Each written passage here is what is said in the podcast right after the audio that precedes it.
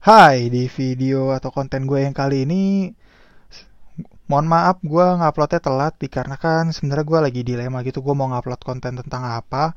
Jadi sebenarnya gue tuh mau bahas tentang IMF sama sejarahnya permata bank muncul tuh kayak gimana. Namun uh, menurut gue ada suatu hal yang tidak tepat gitu. Jadi gue menunggu suatu hal momen tersebut gitu. Jadi setelah gue tunggu-tunggu gitu ya ternyata hari ini muncul momen tersebut gitu. Ternyata ada yang bisa gue jadiin konten utama pertama gue nih yang buat gue upload. Jadi ini gue ceritain ya. Ini kan video sama podcast gue masukin. Jadi kalau ini video lu bisa uh, sambil dengerin atau ngerjain tugas bisa. Soalnya gue cuma ngebacot kayak gini doang. Soalnya ya kan gue nggak bisa masukin suara kalau di YouTube. Jadi gue harus masukin video. Jadi nanti tampilannya seperti ini aja.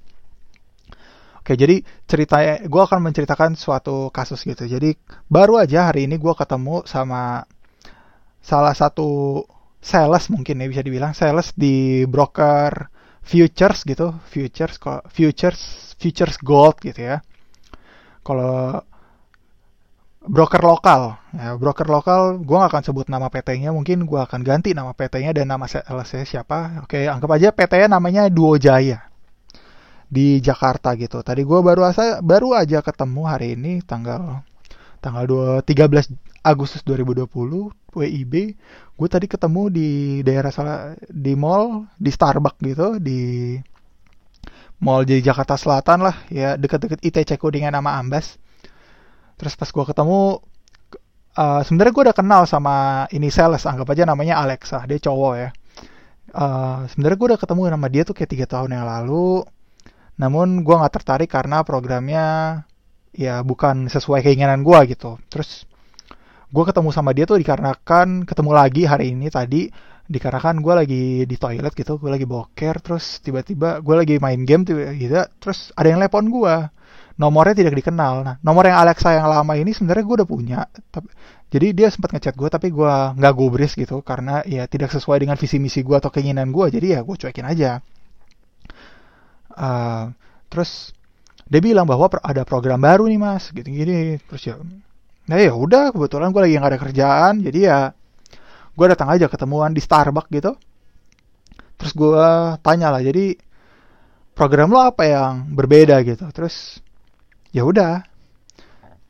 Tapi sebelum dia ngasih tahu programnya apa yang berbeda dia ngasih tahu dulu bahwa klien gue tuh ada yang naruh satu miliar dalam satu bulan untungnya 60 juta ada yang untungnya 80 juta ada yang harus 100 juta pun ada yang untungnya sampai 10 juta per bulan gitu. Ya terus gue ya gue yayain aja gitu kan. Uh, buat lu yang masih awam gitu ya uh, lu jangan terpukau dengan puluhan jutanya tersebut ya. Uh, lu harus melihat dalam bentuk persen oke. Okay? karena ya uang satu miliar kalau untungnya 60 juta dalam satu bulan, itu kan berarti hanya 6%. Nyambung, dalam satu bulan hanya 6%. Kalau uang lu 1 miliar, untungnya 80 juta, itu kan sebenarnya dalam satu bulan lu untungnya 8%. No big deal, gak ada sesuatu yang wah di situ sebenarnya. Cuma ya gara-gara dibaca puluhan jutanya, jadi otak lu terkesan menjadi itu lebih gede. Padahal sih kalau dalam bentuk rasio persenan ya ya hal yang biasa aja gitu. Ya lu nggak usaha usaha futures juga trading di futures juga juga bisa gitu. Itu sih yang mau gue kasih tahu pertama kali. Jadi jangan terpukau dengan puluhan juta lu harus fokus dengan persenan. Jadi sebenarnya gue ya yain aja.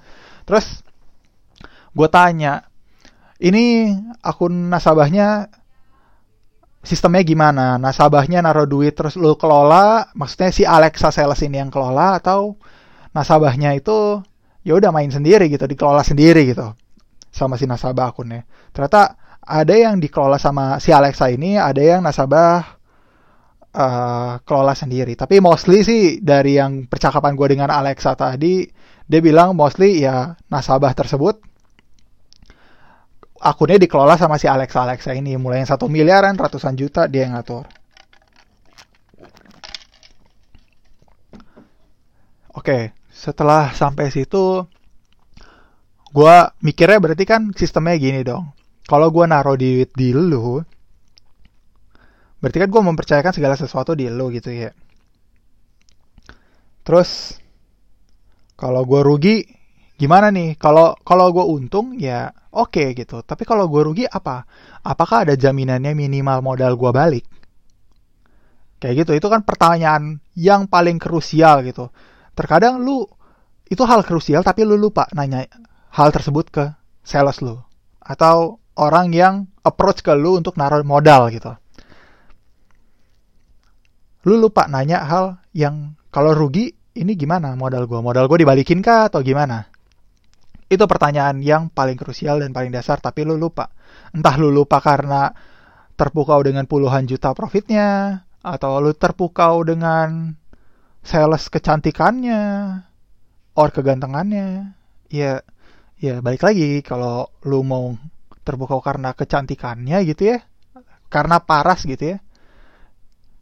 Uh, ya gue saranin sih ya tolong dipisahkan gitu karena hmm, ini kan bisnis gitu ya. Ini kan bisnis gitu ya. Ini gue akan ngomong berulang-ulang gitu ya. Ya jangan terpukau dengan paras kecantikannya. Karena ya lu itu lagi di approach naruh uang ratusan juta atau miliaran. Kalau lu mengiyakan dan naruh duit miliaran gara-gara terpukau karena kecantikannya digodain dan uang lu hilang miliaran tersebut atau ratusan juta tersebut, apakah tidak lebih baik lu sewa open BO yang harganya mahal or artis yang open BO yang harganya mahal? Ya gue sih mikirnya ya uh, untung ruginya aja sih kayak ya ya gue naruh miliaran gara-gara ceweknya cantik yang jual salesnya terus udah gara-gara cewek cantik terus gue naruh miliaran terus duit gue rugi udah. Terus ceweknya gue cuma dibilang makasih mas doang. Ya ya kalau gue sih ya gue mikir ya ya mending gue gue bikin budget aja sendiri. Satu miliar gue mau buat open bo buat nyewa cewek buat begituan. Ya gue nggak cuma buat digoda-godain emang beneran dipakai. Ih kalau menurut gue sih lebih efektif itu gitu. Daripada lu digodain doang terus duit miliaran lu habis terus lu nggak nggak dapat apa-apa gitu cuma dibilang makasih mas doang udah. Ya kalau kalau lu naruh satu miliar emang budgetnya buat make begituan ya setidaknya kan bukan makasih mas selamat pagi mas ya minimal. Ya satu miliar kan lu bisa dapat macam-macam oke terlepas dari itu ya intinya sih ya gue mau ngasih tahu ya jangan terpukau dengan hal tersebut. Ya lu mikir bisnis itu bisnis gitu. Akhirnya singkat cerita gitu ya terus gue ngobrol sama dia ya dia kan bilang portofolionya bagus gitu. Uh, dia tunjukin untungnya kagak pernah ada lossnya. Terus gue tanya yang pertama ini umur masing-masing akunnya gimana? Maksudnya umur akun tuh gimana? Uh, nasabah join itu kapan? Kemudian sudah bertransaksi dalam durasi berapa lama gitu. Ternyata umurnya tidak ada yang lebih dari enam bulan. Umurnya tuh maksimal satu setengah bulan ke dua bulan ya kalau dari gue sih ya gue mikir tuh yang namanya portofolio kan kayak CV aja gitu kan. Kalau lu CV kan kalau lu lamar kerjaan CV itu kan sampai tahunan gitu kan. Kayak lu bikin S1 aja itu butuh 4 tahun men. Buat lamar kerja gitu buat dapetin gaji UMR Jakarta 4,8 juta atau 7,5 juta. Ya itu 4 tahun lu ngelamar itu butuh waktu 4 tahun buat naruh CV portofolio lu. Sementara berarti kalau itu sales minta gua naruh uang ratusan juta atau miliaran juta, berarti kan ya gue butuh portofolio yang lebih konkret dong. Gue nggak bisa merely on tweet atau bersandar atas kepercayaan dengan portofolio dua bulan doang. Gue harus lihat ya minimal enam bulan, tapi sebaiknya sih satu tahun. Kayak gitu loh. Ya gimana dong? Gue kan kayak kantor lo aja ngerekrut orang S1 tuh butuh 4 tahun. Masa gue naruh miliaran cuma berdasarkan laporan dua bulan? Ya nggak bisa gitu dong. Itu sih yang pertama yang gue tidak suka. Makanya ya ya udah gue senyum-senyum aja. Untuk kan pakai masker gitu kan WF pas social distancing kalau keluar harus pakai masker ya gue senyum senyum aja dalam hati gitu kan dalam masker gue kayak dikira gue bego kali. Ya terlepas niat dia baik atau enggak ya menurut gue itu agak ada menjebak-jebaknya. Terus ada hal kedua yang mau gue bahas. Oke pembahasan yang kedua itu kan dia bilang portofolionya bagus gitu ya dikelola akunnya. Uh, kagak ada rugi. Pokoknya kita ngambil gold itu ngambilnya dua poin aja mas. Misalnya dua poin tuh dari 2000 dolar ke ambilnya ke 2002 dolar gitu. Ntar stop lossnya di dua di di 6 poin aja 6 poin lebih jauh. Jadi rasio untungnya satu rasio ruginya tiga gitu. Jadi satu banding tiga. Jadi kalau rugi ruginya 6 juta kalau untung untungnya 2 juta kayak gitulah. Ya menurut gue sih ya serem aja sih kayak ya jadi kalau lu untung tiga hari terus bisa disapu habis dalam waktu satu hari dong. Gitu. Tuh gue mikirnya sih. Terus kan gue bilang gue nanya gitu kan portofolio kami bagus mas gitu. Kata si Alexa ini terus ya udah gue tanya kan kalau masih yakin banget nih kan portofolionya bagus banget. Ya udah gini aja mas. Kan kalau dari PT itu kan tidak bisa gitu melakukan garansi gitu. Soalnya emang izinnya kan dia broker gitu tidak bukan manajer investasi gitu. Tapi kan ini kan saya ngomongnya sama Mas Alexa nih. Jadi apakah Mas Alexa bisa membuat personal garansi gitu? Maksudnya ya kan saya naruh modal ke Mas gitu. Ya Mas bisa menjaminkan nggak kalau rugi setidaknya uang modal yang saya taruh itu Mas bisa kembalikan gitu. Saya nggak butuh. Kalau untung, kalau untung ya saya nggak mau deh nggak apa-apa. Untung satu bulan buat Mas juga nggak apa-apa. Atau atau ya pokoknya intinya kalau gue rugi, at modal gue balik modal. Sesuai deal-dealnya setelah mau nol itu saldonya lu tradingin sampai nol atau sampai 30% dari nilai saldo Uh, terus gue maunya naruhnya kecil aja mas. Gue mau naruh 50 sampai 100 juta aja. Soalnya tujuannya adalah ya gue nggak tahu lu mampu atau enggak untuk menggaransikan uang tersebut gitu. Kalau gue langsung naruh satu miliar kan takutnya lu juga gentar gitu kan untuk untuk menjaminkan bahwa uang itu kalau rugi ya harus diganti satu miliar gitu. Ya gue juga nggak mau lu merasa tertekan dalam mengelola duit gue lu kan gue maunya ya lu happy gue juga happy. Jadi ya gue naruh 50 sampai 100 juta aja nanti ya terserah lu mau personal garantinya kayak gimana bebas ntar gue gue settingin lawyernya terus mau kalau ruginya ntar lo harus bayar langsung dicicil setelah lu nggak apa-apa gue mau. Yang penting ada personal garanti jika duit gue rugi habis atau gimana ya uangnya lu gantiin gitu. Gue nggak minta di sini gue minta personal garanti adalah modalnya doang ya. Gue nggak minta fix price gue mau untung, lu harus setoran ke gue 10% per bulan atau 10% per 2 bulan per 3 bulan. Enggak, gue cuma minta kalau duit gue rugi, modalnya lu gantiin. Cuma gitu doang. Entah digantiin di bulan, gue kasih waktu dalam satu bulan, tiga bulan, ya terserah. Pokoknya ya kalau gue rugi, uangnya gue balikin. Eh lu uang gue, lu balikin.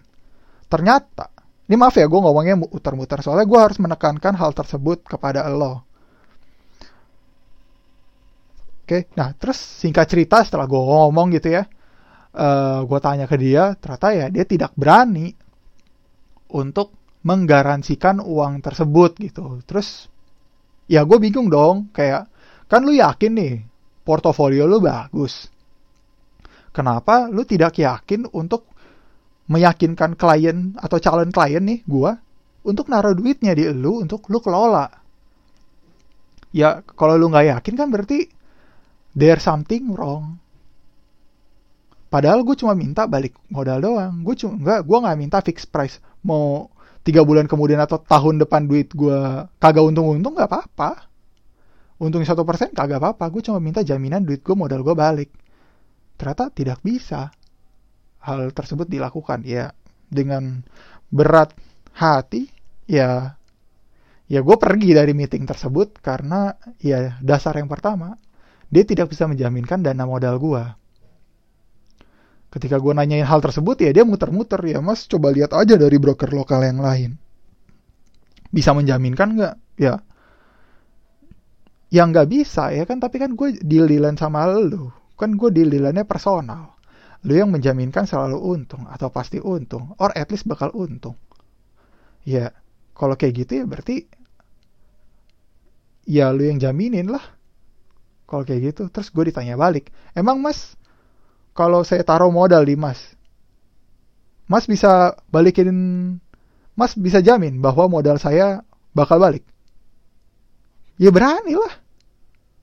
Ya kan ketika lu membuka usaha dan sudah berjalan gitu ya udah lima tahun atau empat tahun ya setidaknya kan lu sudah memiliki knowledge atau pengetahuan ya dan lu bisa mengontrol marketnya atau setidaknya sudah mem memforecast atau memprediksi atau menguasai marketnya. Jadi lu sudah bisa menghitung kapan gue balik modal, kapan gue untung. Kalau gue rugi, gue balik modalnya lagi kapan.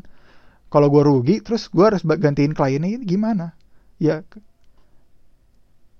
ya ya ya ya udah gue bilang ke Alexa ya kalau lu naruh duit ke gue ya gue bisa jamin duit itu bakal gue balikin kalaupun gue rugi gue pasti bakal balikin kalau gue untung ya pasti gue jamin balikin plus interest. Mungkin kalaupun gue rugi gue juga bakal berusaha untuk balikin interestnya. Interest tuh bunga ya jadi kayak ya gue jamin 10% setiap dua bulan gitu. Ya gue bakal jamin ke orang yang gue pinjem. Misalnya ada orang minjem gue minjem duit nih 5 miliar. Terus gue bilang bunga gue tiga persen untuk tiga bulan ya. Ya ya gue jamin tiga persennya bakal balik modalnya bakal balik. Kalau gue bakal kalau gue rugi ya gue bakal bilang sama klien gue eh duit gue tuh kayak gini gini gue kan tapi gue akan balikin modal lo dalam tempo segini. Deal kayak gitu loh. Gue maunya suatu hal yang clear. Gue lu kalau di approach sama suatu sales ya lu bilang ada nggak personal garanti personal garanti itu adalah garansi perorangan gitu. Kan kalau alasannya oh ini nggak ada mas. Perusahaan kami tuh nggak soalnya broker bukan manajer investasi. Jadi nggak ada garansi-garansian ya udah kalau kayak gitu ya lu minta personal garansi garansi yang dari individual. Kalau bisa garansinya ya keturunannya juga lu garansiin. Jadi dia dia punya anak atau punya apa ya dia yang akan menggaransikan bahwa utangnya akan diganti sama orang tuanya. Utang orang tuanya akan diganti sama si anaknya atau cucunya. Ada kok perjanjian yang seperti itu gitu. jadi yang mau gue sampein maaf ya gue ngomongnya ulang-ulang. Jadi soalnya ini kontennya menurut gue gue suka nih suatu hal yang toksik dan harus dipikir dengan kritis juga